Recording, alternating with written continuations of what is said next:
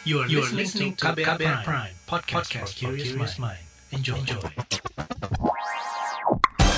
Saatnya Anda dengarkan Ruang Publik KBR. Selamat pagi, kita berjumpa kembali dalam Ruang Publik KBR dan tema pagi hari ini optimalkan olahraga untuk kesehatan tubuh. Saudara, tak diragukan lagi bahwa berolahraga secara teratur bisa membawa manfaat fisik seperti membangun otot dan juga mengurangi kelebihan lemak.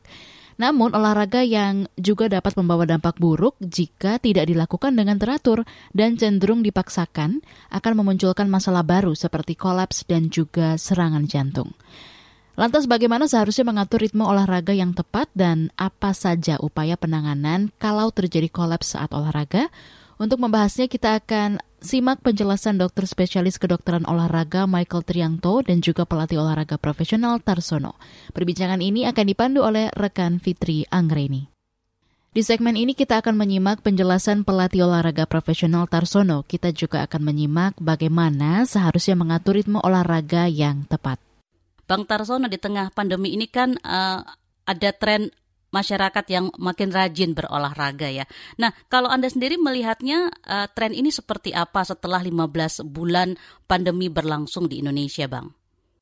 Baik, kalau saya melihatnya uh, kita tahu kalau uh, sebenarnya untuk melawan virus ini kan sebenarnya dari kita sendiri ya, dari imunitas kita sendiri. Jadi kebutuhan untuk olahraga menurut saya sangat diperlukan untuk menambah imunitas uh, diri ya. Cuma sekali lagi uh, kita harus tetap patuhi protokol. Kalau bisa olahraganya nggak nggak usah berkerumun dan ya kalau sudah selesai nggak perlu nongkrong-nongkrong lah. Jadi kalau udah selesai ya bisa langsung pulang. Eh, jenis-jenis uh, olahraga seperti apa bang yang menurut anda cocok untuk dilakukan di tengah pembatasan ini? Hmm, baik. Kalau untuk jenis olahraganya, yang pasti yang paling efektif itu jenis olahraga kardio ya, yang bisa kita lakukan di luar ruangan Ya, untuk olahraga-olahraga di dalam ruangan kalau bisa dilakukan secara mandiri itu akan lebih baik. Cuma kan agak sulit ya kalau misalnya sendiri dalam ruangan. Terus kemudian untuk olahraga yang kardio yang dianjurkan dari WHO itu kan eh, 150 menit per minggu. Itu bisa dengan sepeda, bisa dengan lari ringan, bisa juga dengan jalan santai, seperti itu. Kalau dari pengalaman dan pengamatan Anda, uh, apa tantangan-tantangan yang uh, dihadapi sehingga uh, olahraga yang dilakukan masyarakat ini yang tujuannya untuk kesehatan, tapi malah bisa berakibat sebaliknya, Bang? Kalau saya melihatnya tantangannya uh, karena menghindari kerumunannya ya, yang agak sulit menghindari kerumunan yang agak sulit satu. Terus kemudian yang kedua biasanya kalau kita olahraga kan akan lebih uh, seru ya kalau kita ada partner atau ada uh, grup gitu ya. Nah itu yang agak sulit. Jadi untuk selama pandemi ini ya kita kita lebih concern untuk uh, kesehatan. Jadi ya lebih baik setel, dilakukan dengan secara mandiri olahraganya. Kemudian setelah itu tidak perlu ada kumpul-kumpul dan bisa langsung kembali ke rumah.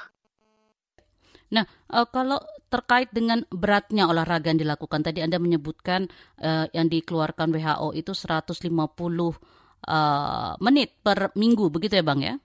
Nah, kalau uh, dilakukan uh, kurang dari itu atau lebih dari itu, apa kira-kira dampak yang bisa dirasakan Bang? Baik, uh, sebenarnya kalau misal untuk segi hanya untuk mencapai kebugaran itu cukup 150 menit. Tapi kalau ada target-target tertentu seperti uh, ingin ada event maraton atau event lain-lain ya itu disesuaikan dengan kebutuhan. Tapi kalau hanya untuk uh, apa namanya kebutuhan kebugaran 150 menit per minggu cukup. Nah 150 menit per minggu itu bisa kita penggal-penggal. Misalnya 30 menit setiap hari itu berarti bisa 5, 5 sesi dalam satu minggu. Uh, 150 menit ini uh, sebaiknya tidak dilakukan sekaligus tetapi dicicil begitu ya?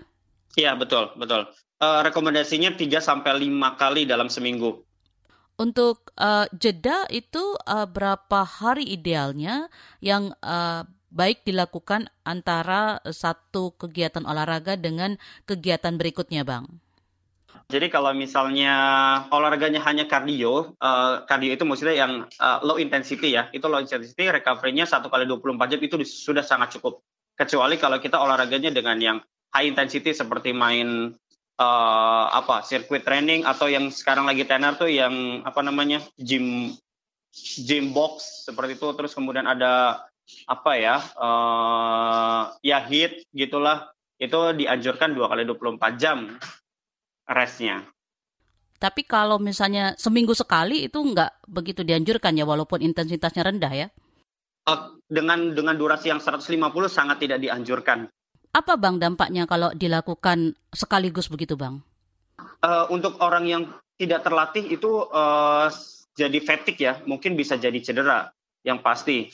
Jadi uh, sangat tidak dianjurkan untuk orang yang tidak terlatih untuk sekaligus langsung mencapai 150 menit sekali dilaksanakan. Terkecuali apabila memang uh, orang tersebut sudah terlatih dan mempunyai target untuk event-event tertentu.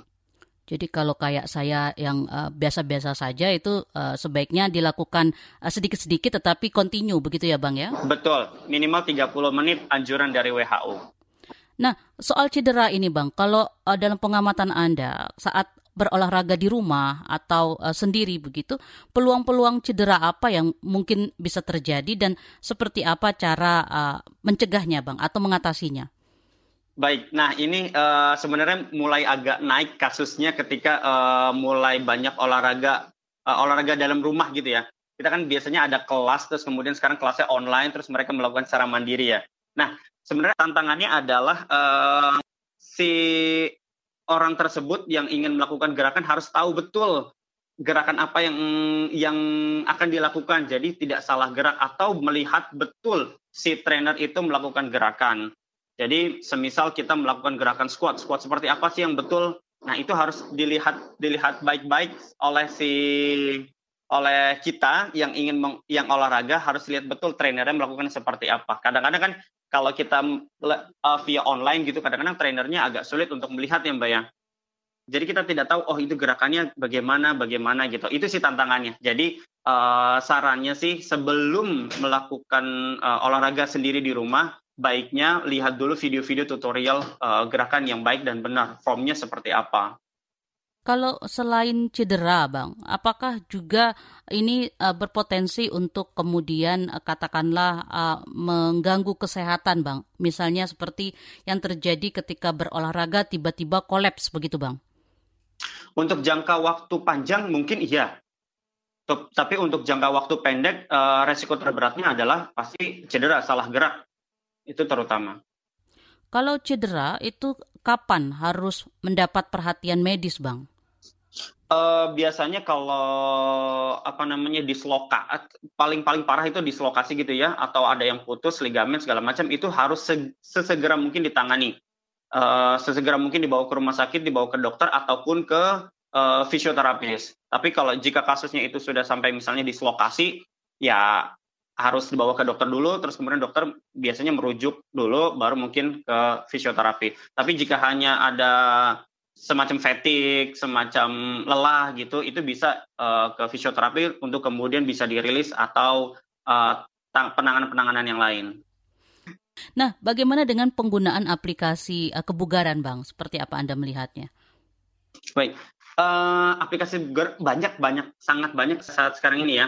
Cuma sekali lagi kita harus bisa uh, melihat uh, level kita ada di mana. Jika kita ingin melakukan gerak, gerakan-gerakan tertentu yang dirasa sulit, alangkah baiknya untuk melihat tutorial gerakan terlebih dulu. Jadi jangan jangan baru lihat oh gerakannya seperti ini terus kemudian kita langsung melakukan itu uh, akan sangat beresiko. Jadi lebih baik untuk teman-teman yang mau berolahraga dalam di rumah itu alangkah baiknya coba lihat tutorial gerakannya terlebih dahulu.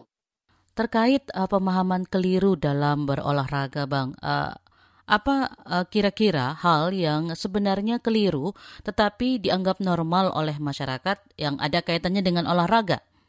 Uh, paling ini ya, uh, pola makan ya.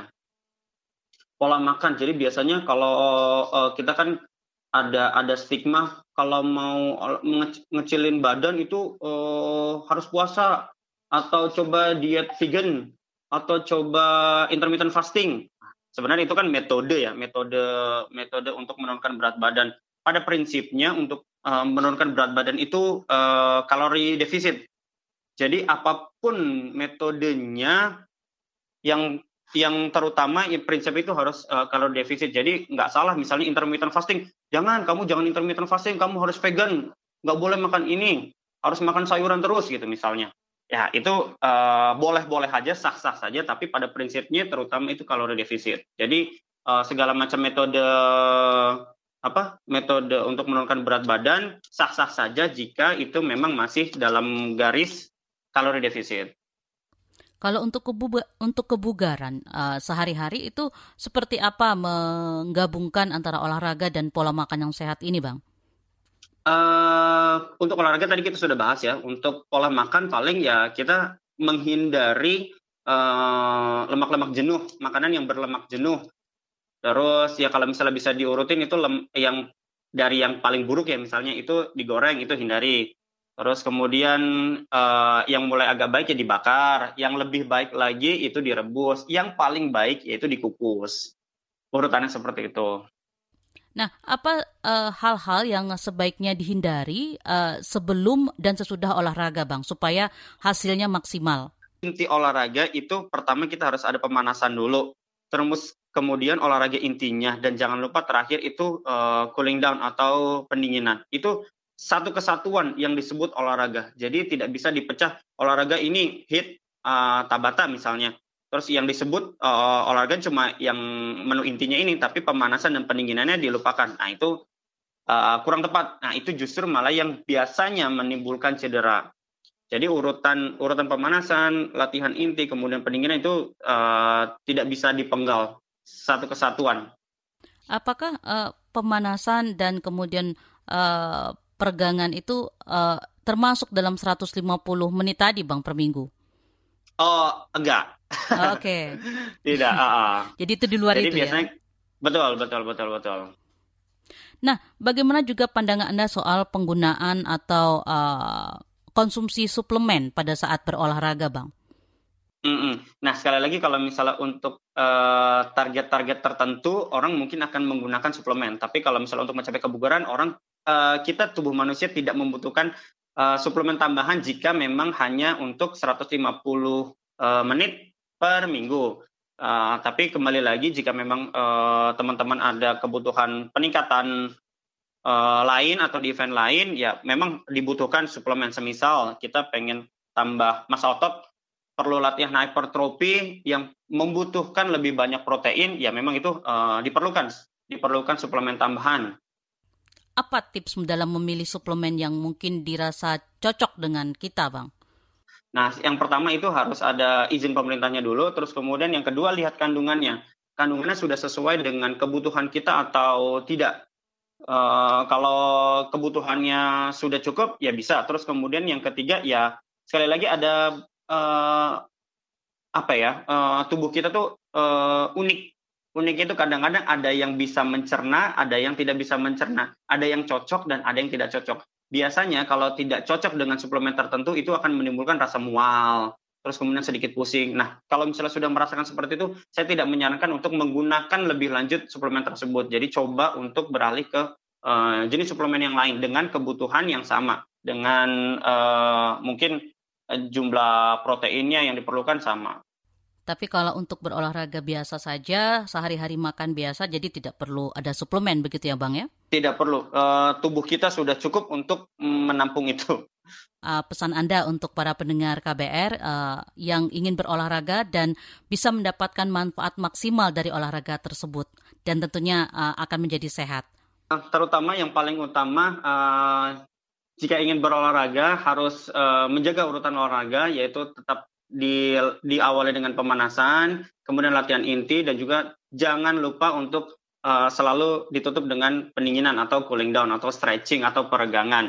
Kemudian dalam masa pandemi ini jika memang sudah selesai olahraga uh, dihindari untuk uh, berkerumun karena uh, tujuan kita berolahraga itu kan untuk sehat.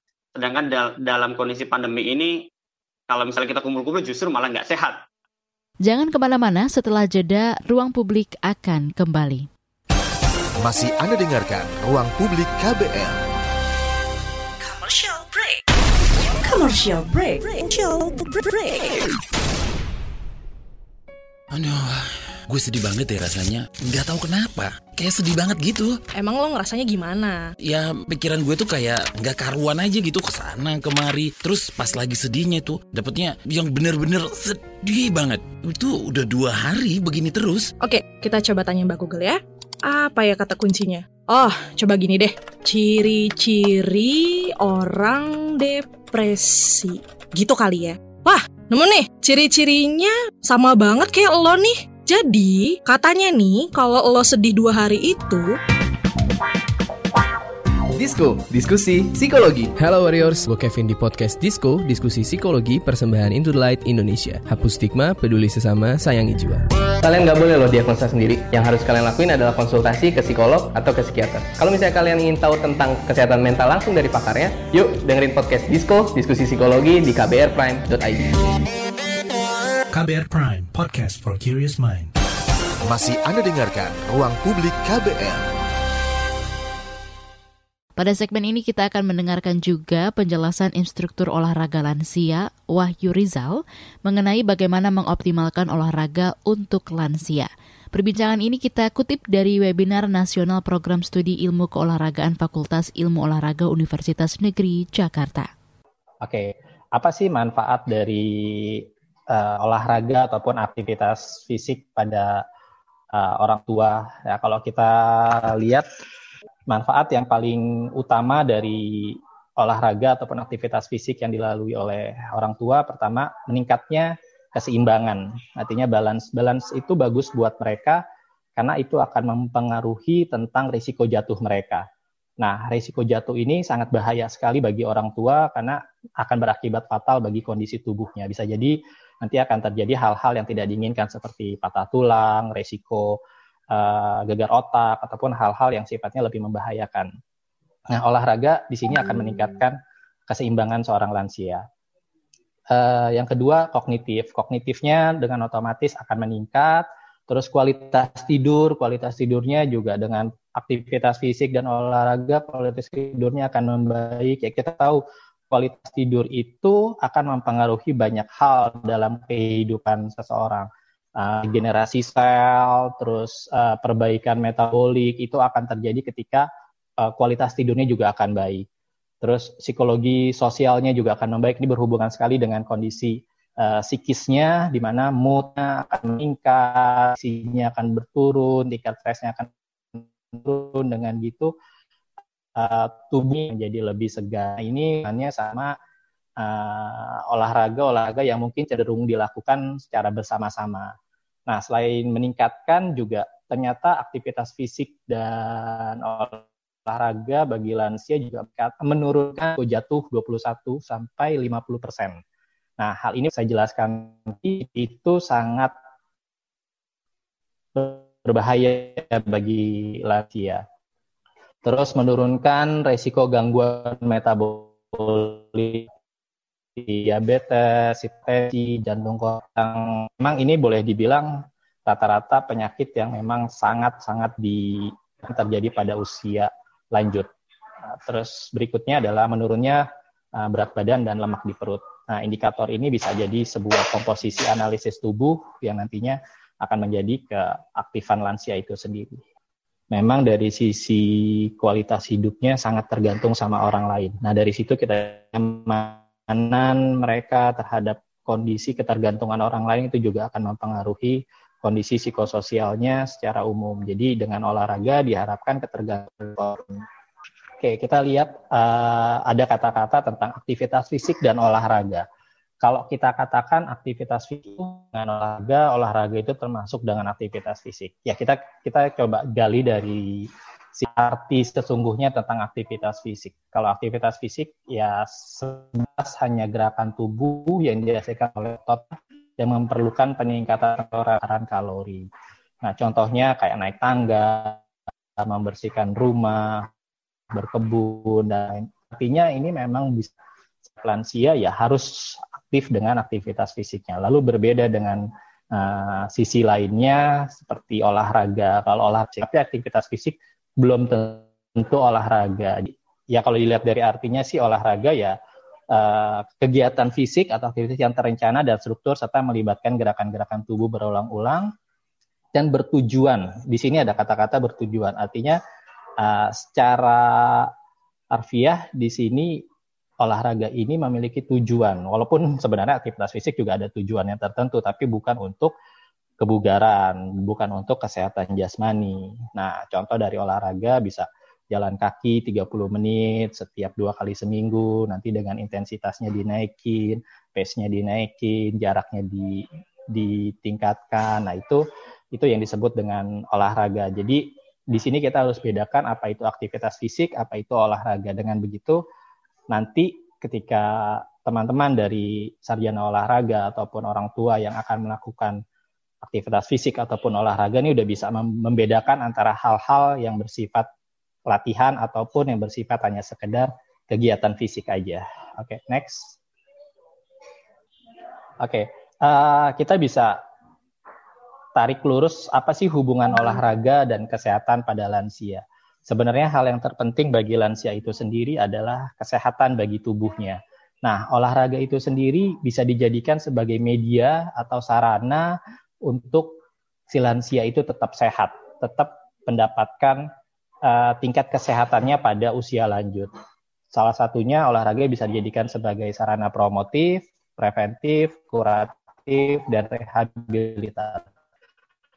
Nah, motif itu apa sih? Promotif uh, olahraga bisa dijadikan untuk meningkatkan derajat kesehatan seseorang. Ya, misalnya juga ya terlihat lebih bugar, terus di masyarakatnya juga uh, lebih terlihat sehat. Artinya derajat kesehatannya uh, boleh dibilang berada dalam taraf yang normal. Preventif, preventif ya contohnya uh, olahraga bisa dijadikan sebagai sarana untuk mencegah uh, uh, penyakit, keadaan sifatnya tidak nyaman. Ya salah satunya dengan aktivitas uh, melakukan stretching dan aktivitas olahraga untuk meningkatkan kelenturan ataupun kekuatan. Uh, olahraga sebagai sarana untuk kuratif. Kuratif itu uh, olahraga dijadikan sebagai tata laksana untuk pencegahan terhadap penyakit-penyakit ataupun pengendalian terhadap kondisi-kondisi uh, lansia tertentu. Misalnya kalau kita kita lihat istilah uh, senam untuk uh, pasien apa senam untuk lansia dengan kondisi diabetes. Olahraga uh, yang dilakukan untuk uh, mengendalikan tensi, yaitu fungsi dari olahraga yang bersifat kuratif. Yang berikutnya adalah olahraga yang bersifat rehabilitatif, yaitu olahraga yang dipakai untuk pengembalian kondisi seseorang atau kita kenal dengan istilah terapi. Jadi hal ini memang saat ini paling banyak cukup berkembang dalam uh, dua tiga tahun terakhir kita dengan kita kenal dengan istilah aktif rehabilitasi atau kita dengan istilah terapi latihan atau kita dengan istilah uh, ya movement terapi. Nah, di sini uh, fungsi olahraga sebagai fungsi rehabilitatif. Nah, ini banyak sekali yang berkembang pada saat ini misalnya dengan media pilates, yoga. Nah, ini termasuk salah satu olahraga sebagai fungsi rehabilitatif bagi kehidupan lansia. Nah, prinsip-prinsip uh, olahraga pada lansia hal ini perlu saya jelaskan, perlu saya share karena pada prinsipnya olahraga pada lansia itu harus memiliki beberapa poin yang memang harus dijadikan sebagai prinsip dasar ketika kita ingin memulai ataupun melakukan pendampingan pada lansia ketika berolahraga. Ada istilah singkatnya sih BBTT ya. Baik benar, terukur dan teratur. Inilah yang yang membedakan antara instruktur-instruktur olahraga lansia secara umumnya yang memang lebih memiliki pola pikir secara terstruktur. Jadi hal-hal yang prinsip-prinsip dasar ini memang harus harus sekali memang diperhatikan. Kayak apa sih yang dikatakan dengan baik? Baik itu boleh dibilang uh, tahapannya secara baik ada pemanasan, ada peregangan, ada latihan inti, ada pendinginan dan peregangan. Itu bisa berlangsung antara uh, setiap kegiatan bisa berlangsung antara 5 sampai 10 menit dalam setiap sesi. Nah, itu benar. Apa ini maksud dengan benar? Benar itu adalah sesuai dengan kemampuan fisik dan kesehatan uh, setelah kebugaran si lansia itu sendiri. Apa yang dimaksud dengan benar itu sebenarnya kita harus katakan uh, prinsip olahraga pada lansia itu antara satu lansia dengan lansia lain sangat berbeda. Jangan ke mana-mana setelah jeda, ruang publik akan kembali. Masih Anda dengarkan Ruang Publik KBR. Terima kasih untuk Anda yang masih setia mendengarkan ruang publik dari KBR. Masih Anda dengarkan juga perbincangan pagi ini terkait pengoptimalan olahraga untuk kesehatan tubuh. Selanjutnya kita akan menyimak penjelasan dokter spesialis kedokteran olahraga Michael Trianto. 15 bulan sudah uh, kita di Indonesia mengalami pandemi. Kalau dokter melihat tren uh, olahraga di masyarakat sejak awal pandemi hingga saat ini itu seperti apa dokter? Jadi menurut saya apa pun kondisinya, tentu kita dapat mengambil hikmah apa yang positif, apa yang negatif dari terjadinya pandemi COVID ini. Ya, jadi kalau negatifnya jelas kita lihat korban tetap dijatuhan. Ya. Namun dari sisi positifnya kita bersyukur bahwa yang pertama masyarakat itu paham jadinya apa pentingnya olahraga. Yang kedua adalah masyarakat terpaksa harus berolahraga untuk menjaga kesehatannya dalam menghadapi pandemi di masa-masa mendatang. Dan yang ketiga, bagi yang sudah merasakan manfaatnya, itu tanpa sadar menularkan kepada, dalam tanda kutip ya, menularkannya ya, kepada lingkungannya. Sehingga akan tercapai suatu new normal bukan hanya new normal 3M, 4M, 5M, dan sebagainya, tapi adalah new normal bahwa olahraga harus menjadi salah satu bagian atau salah satu pilar dalam menjaga kesehatan tubuh kita. Tapi karena pandemi ini kan juga ada protokol kesehatan yang harus dilakukan ya dokternya. Nah bagaimana uh, olahraga ini bisa berbarengan dengan pelaksanaan uh, protokol kesehatan ini tanpa menghambat manfaat olahraga itu sendiri dokter? Seperti yang tadi saya katakan, ini new normal. Jadi kalau normalnya adalah berolahraga itu harus di tempat olahraga dengan fasilitas olahraga yang lengkap, dengan penggunaan pakaian dan kelengkapan berolahraga, eh, menurut saya eh, eksklusivitas seperti itu itu yang dipangkas habis. Kenapa? Tidak perlu eksklusif. Kita bisa berolahraga sambil menjaga protokol kesehatan kita tetap dapat menjaga kesehatan kita dengan berolahraga di rumah. Bila mana yang dilakukan adalah work from home atau work from office. Kita berolahraga di kantor. Nah, inilah yang mulai disadari oleh masyarakat tanpa mereka uh, perlu ditekan-tekan. Ini menjadi suatu kebutuhan inilah needs ini, kebutuhan ini yang harus terus kita tekankan agar masyarakat itu menjadi lebih paham new normal itu seperti apa. Dalam bentuk kesehatan olahraga ya.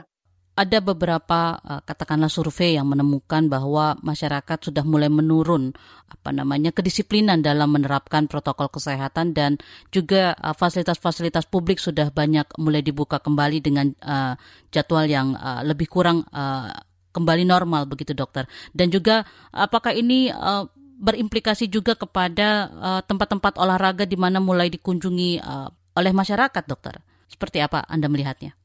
Tentunya harapan kita seperti itu. Bagaimanapun juga kita berharap gitu ya, pandemi ini selesai dan kita dapat kembali hidup normal seperti kebiasaan yang dahulu, apakah kita pergi ke fasilitas olahraga, apakah kita pergi ke gym, ya, apakah kita pergi ke taman-taman kota atau pergi ke jalanan, itu tentu saja kita mengharap seperti itu.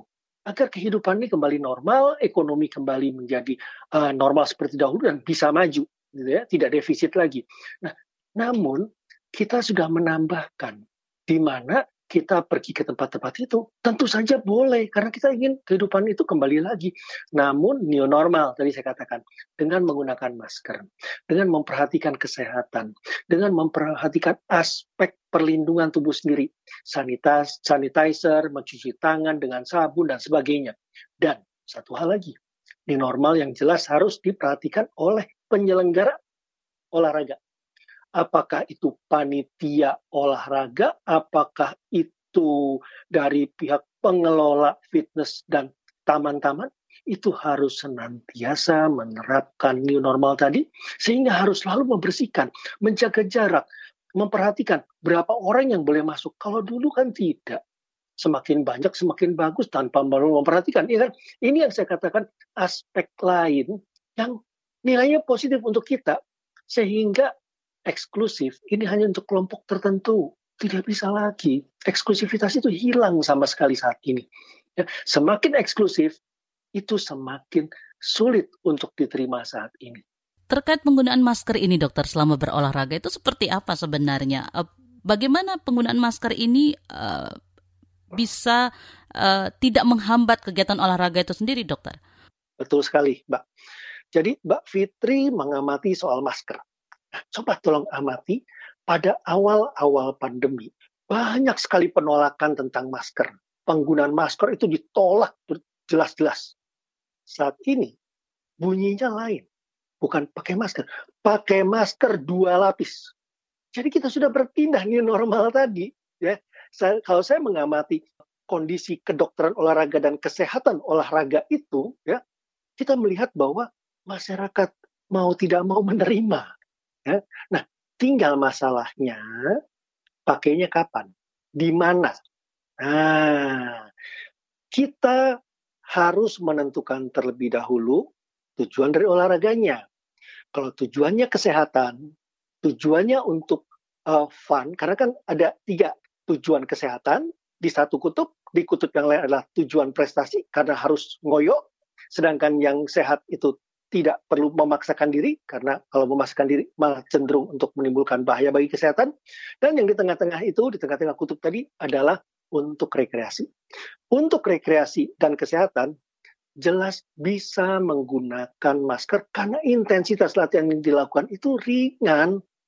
Nggak ada alasan untuk membuka. Kalau ada yang mengatakan, dok kalau saya olahraga, itu jadi sesek dokter. Pasti itu olahraganya terlalu berat dan bukan untuk kesehatan. Bukan untuk rekreasi. Itu dilakukan untuk prestasi. Nah, atlet-atlet saya karena kebetulan saya ini hidup di dua di dua dunia ya dalam tanda kutip. Jadi bukannya dua dunia seperti amfibi gitu ya, bisa di darat, bisa di air, bukan. Tapi saya hidup di masyarakat umumnya yang ingin olahraga untuk kesehatan atau rekreasi. Dan satu lagi, saya hidup di dunia prestasi. Atlet-atlet saya tidak bisa menggunakan masker. Kenapa? Keterangan saya tadi. Karena dia latihan sampai berat, sampai berkeringat, lapar, sakit badannya, maksa, ngoyo. Itu no problem. Tapi saya berusaha menjamin untuk membuat suatu bubble di lingkungan mereka. Jadi di antara mereka diusahakan, dalam tanda kutip, namanya bocor bisa aja ya selalu ya, itu mereka itu tidak boleh keluar dan tidak boleh ada yang masuk. Di antara mereka itu selalu dilakukan pemeriksaan tes swab, baik antigen maupun PCR. Secara rutin, teratur. Begitu ada, singkirkan. Begitu ada, singkirkan. Begitu ada, singkirkan. Dengan demikian, relatif dalam tanda kutip lagi aman untuk tidak menggunakan masker selama latihan di dalam lingkungan itu. Namun kalau sudah berpindah lingkungan, jadi bubble itu hilang. Nah, dengan demikian, penggunaan masker seperti Mbak tanyakan tadi, tergantung kondisinya. Kita bisa uh, melakukan negosiasi tidak menggunakan masker bila mana latihannya untuk prestasi. Tapi saya secara pribadi tetap menganjurkan kalau atlet saya itu kalau bisa tetaplah pakai masker meskipun mereka umumnya keberatan ya. Tapi sebenarnya ada sisi positifnya. Tadi saya katakan, bagaimanapun juga ada negatif dan ada sisi positif. Ada sisi positifnya bagi atlet yang menggunakan masker, dengan demikian mereka terbiasa berlatih dengan oksigen yang tipis. Dan itu akan memaksa tubuhnya untuk berusaha survive. Berusaha untuk bertahan dengan kondisi itu, dengan latihan yang sudah standar, mereka latihan-latihan itu tentunya ada perubahan fisiologis. Dari teori mengatakan bahwa akan uh, bertambah jumlah jumlah sel-sel darah mereka, sel darah merah. Nah, sel darah merah yang meningkat, berarti kemampuan endurance mereka meningkat. Jadi ada sisi positif untuk sisi prestasinya tadi. Ya. Namun tentu kita tidak paksakan. Kalau mereka memang tidak nyaman, terutama untuk yang latihannya itu bersifat anaerobik ya angkat besi, eh, kemudian nyemes terus. Kalau untuk rally-rally mungkin akan akan lebih baik dengan masker. Tapi kalau yang memaksakan gitu tentunya tidak nyaman. Jadi saya terima untuk mereka oke okay, tidak. Tapi di luar itu masker tetap. Bahkan kita dukung anjuran pemerintah. Tidak hanya satu masker, tapi dua masker. Dan terlihat keberatan masyarakat itu sudah hilang saat ini. Masyarakat sudah percaya bahwa masker adalah salah satu cara bagi kita untuk keluar dari pandemi COVID-19 ini. Jangan ke mana-mana setelah jeda, ruang publik akan kembali. Masih Anda dengarkan Ruang Publik KBR. Commercial break. Commercial break. Commercial break.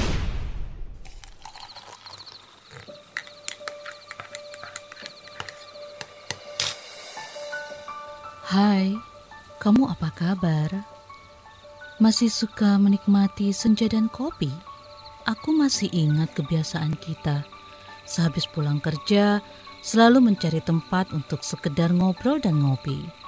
Tapi kadang kita kehabisan bahan obrolan. Aku masih melakukan hal yang sama sampai sekarang tanpa harus takut habis bahan buat ngobrol karena aku selalu mendengarkan KBR sore dari Senin sampai Jumat jam 4 sore. Ah, aku rindu. KBR Inspiratif Terpercaya. Masih Anda dengarkan Ruang Publik KBR. Kita tiba di bagian akhir ruang publik KBR hari ini dan bagi Anda yang tidak sempat mendengarkan siaran ini secara utuh, Anda bisa mendengarkannya kembali di podcast kbrprime.id lalu pilih ruang publik. Pada segmen ini kami masih akan membahas uh, dokter spesialis kedokteran olahraga Michael Trianto. Iya, tadi dokter mengatakan bahwa kalau masyarakat biasa yang ingin berolahraga dengan tujuan uh, rekreasi dan juga kesehatan tetap menggunakan masker karena uh, itu kalau memang terjadi uh, hambatan ketika memakai masker itu berarti olahraganya sudah uh, katakanlah uh, berlebihan begitu dokter ya. Nah, itu olahraga yang berlebihan itu apakah uh, ada tanda-tanda atau ada uh, cirinya dokter sehingga kita tahu olahraga yang kita lakukan yang sebenarnya untuk rekreasi dan juga untuk kesehatan itu sudah berlebihan sebenarnya. Benar. Ada tandanya. Latihan yang kita maksud, olahraga yang saya maksudkan itu adalah olahraga yang bersifat aerobik. Tadi saya sempat singgung, kalau yang anaerobik pada atlet, angkat besi dan sebagainya, itu mungkin akan sulit. ya uh, Atlet yang smash, smash, smash terus, itu akan sulit untuk menggunakan masker karena sudah masuk kepada area anaerobik. Area yang tidak menggunakan oksigen. Sehingga tidak bisa bertahan lama. Namun bagi yang aerobik, ini buka, maaf, bukan maksudnya senam aerobik ya, ini beda nih ya. Olahraga yang bersifat aerobik adalah olahraga yang berintensitas ringan, gerakannya berulang-ulang, waktu melakukannya panjang. Saya ulangi lagi, misalnya contohnya jalan cepat, jogging, lari sudah tidak, tidak termasuk tuh. Ya. Lari maraton mungkin masih bisa, tapi lari sprint tidak. Nah, itu adalah jenis-jenis latihan yang bersifat aerobik. Bersepeda, gitu ya. Nah, ini mereka ini kalau sampai tidak mampu untuk bernyanyi atau bahkan bersenandung, tidak mampu, berarti kita tahu bahwa dia sudah lewat, sudah keluar daripada area aerobik, sudah masuk kepada area anaerobik. Jadi sudah terlalu berat. Jadi mudah saja masyarakat pada saat dia gue sepeda gitu ya, dia bisa bernyanyi nyanyi apa gitu ya silahkan lah ya poco-poco atau apalah gitu atau kopi dangdut ya silahkan saja dia nyanyi gitu ya. Nah pada saat dia nyanyi nyanyi nyanyi begitu dia tidak bisa bernyanyi dengan lancar dia terpatah-patah sudah masuk dalam area itu. Tapi dokter kan orang nggak berasa dokter lagi naik sepeda suruh-suruh pasti terasa. Kenapa? Pada saat misalnya naik uh, tanjakan yang panjang dia mulai ah, ah, ah. nah itu jadi bagaimana? Harus berhenti. Diperlambat dong. Kalau nggak bisa juga, tuntun tuh sepeda. Dengan demikian kita tidak membiarkan diri kita masuk kepada area yang berbahaya. Nah, itu pentingnya kita menggunakan yang kita sebut tadi talk test. Kalau kita masih bisa berbicara, kita masih bisa berbicara dengan lancar, itu kita masih aerobik. Kalau kita bisa bicara, tapi tidak bisa bersenandung atau bernyanyi, berarti kita sudah masuk dalam area anaerobik. Nggak perlu pakai alat, nggak perlu pakai gadget, kita bisa tahu langsung seperti itu. Kira-kira begitu, Mbak. Nah, apa kemudian efek dari uh, berlebihan ini tadi, dokter? apa pun yang berlebihan pasti akan mengganggu keseimbangan yang lain. Ya, jadi kita melihat di dalam suatu sistem energi ya, ada positif, harus ada negatif sehingga eh, katakanlah atom ya dia menjadi di tempat yang stasioner gitu ya. Kalau tidak dia pasti bergerak. Ya. Demikian juga ini, kalau kita menghabiskan energi terlalu banyak, energi di mana yang dihabiskan? Emang bisa ngambil energi dari luar? atau ada ada power bank yang ditempelkan kepada badan. Tidak, pasti energi di dalam tubuh kita. Nah, energi yang kurang itu akan mengganggu keseimbangan dari rantai uh, energi yang ada di dalam tubuh. Nah, kekurangan tadi akan dicukupi oleh yang lain. Dengan demikian, pasti ada kompensasinya. Katakanlah kita melatih otot yang besar, pasti membutuhkan makanan yang lebih banyak. Makanan yang lebih banyak nanti akan mengganggu program diet kita. Hal seperti itu akan, terjadi. Tapi kalau kita latihannya tidak terlalu berat, terjadi defisit kalori, tapi tidak besar. Sehingga nafsu makan dapat tetap terjaga. Dia masih tetap bisa menurunkan berat badan. Kita kalau, kalau kita bicara dalam konteks penurunan berat badan, itu terlihat sekali. Keseimbangan tadi tetap ada. Ya, meskipun tidak terlihat, tapi tetap ada. Siapa yang berlatih terlalu berat pasti akan membutuhkan istirahat lebih banyak. Kenapa? Untuk recovery. Kalau tidak istirahat, pasti dia akan tidak mampu untuk melakukan pekerjaan sehari-hari dengan baik dan memberikan hasil yang biasa. Ya, pasti ada penurunan. Karena itu dia mau nggak mau latihannya berat, dia istirahat lebih lama. Apakah efek dari berlebihan ini juga salah satunya bisa kolaps saat uh, melakukan olahraga, dokter? Tentu saja, ya jawabannya. Mengapa? Seperti tadi saya katakan, orang yang kehabisan energi bisa saja pingsan. Orang yang oksigennya uh, tidak mencukupi untuk kehidupan dia, tidak mampu dia berdiri. Itu yang menjadi patokan. Tapi jangan sampai sudah benar-benar kolaps, baru sadar. Sayangnya, sayangnya ya, kalau kita lihat di masyarakat, sejauh ini abai terhadap ancaman yang ada di sekeliling kita. Sampai pada saatnya terkena, baru sadar. Tapi hal itu tidak berlaku bagi orang lain yang belum kena. Sama abainya itu. Nah, terkait uh, olahraga saat sebelum dan sesudah vaksin itu uh, tetap dianjurkan atau bagaimana, dokter? Oh, tentunya kan sekarang gini, mengapa orang mempermasalahkan olahraga sebelum dan setelah vaksin? Karena dalam benak masyarakat, olahraga itu harus berat. Olahraga harus capek, berkeringat, lapar, sampai sakit badannya. Oh nanti drop dong kondisinya. Kalau divaksin itu kan setelah itu menurun itu hoax. Mengapa saya katakan begitu? Karena yang pertama, olahraga yang kita bicarakan hari ini adalah olahraga untuk meningkatkan kesehatan. Dengan demikian tidak ada yang harus berat. Yang berat adalah olahraga untuk prestasi. Jadi satu poin ya, yang dimaksud oleh masyarakat adalah olahraga berat. Nah, memang olahraga berat kan nggak boleh gitu.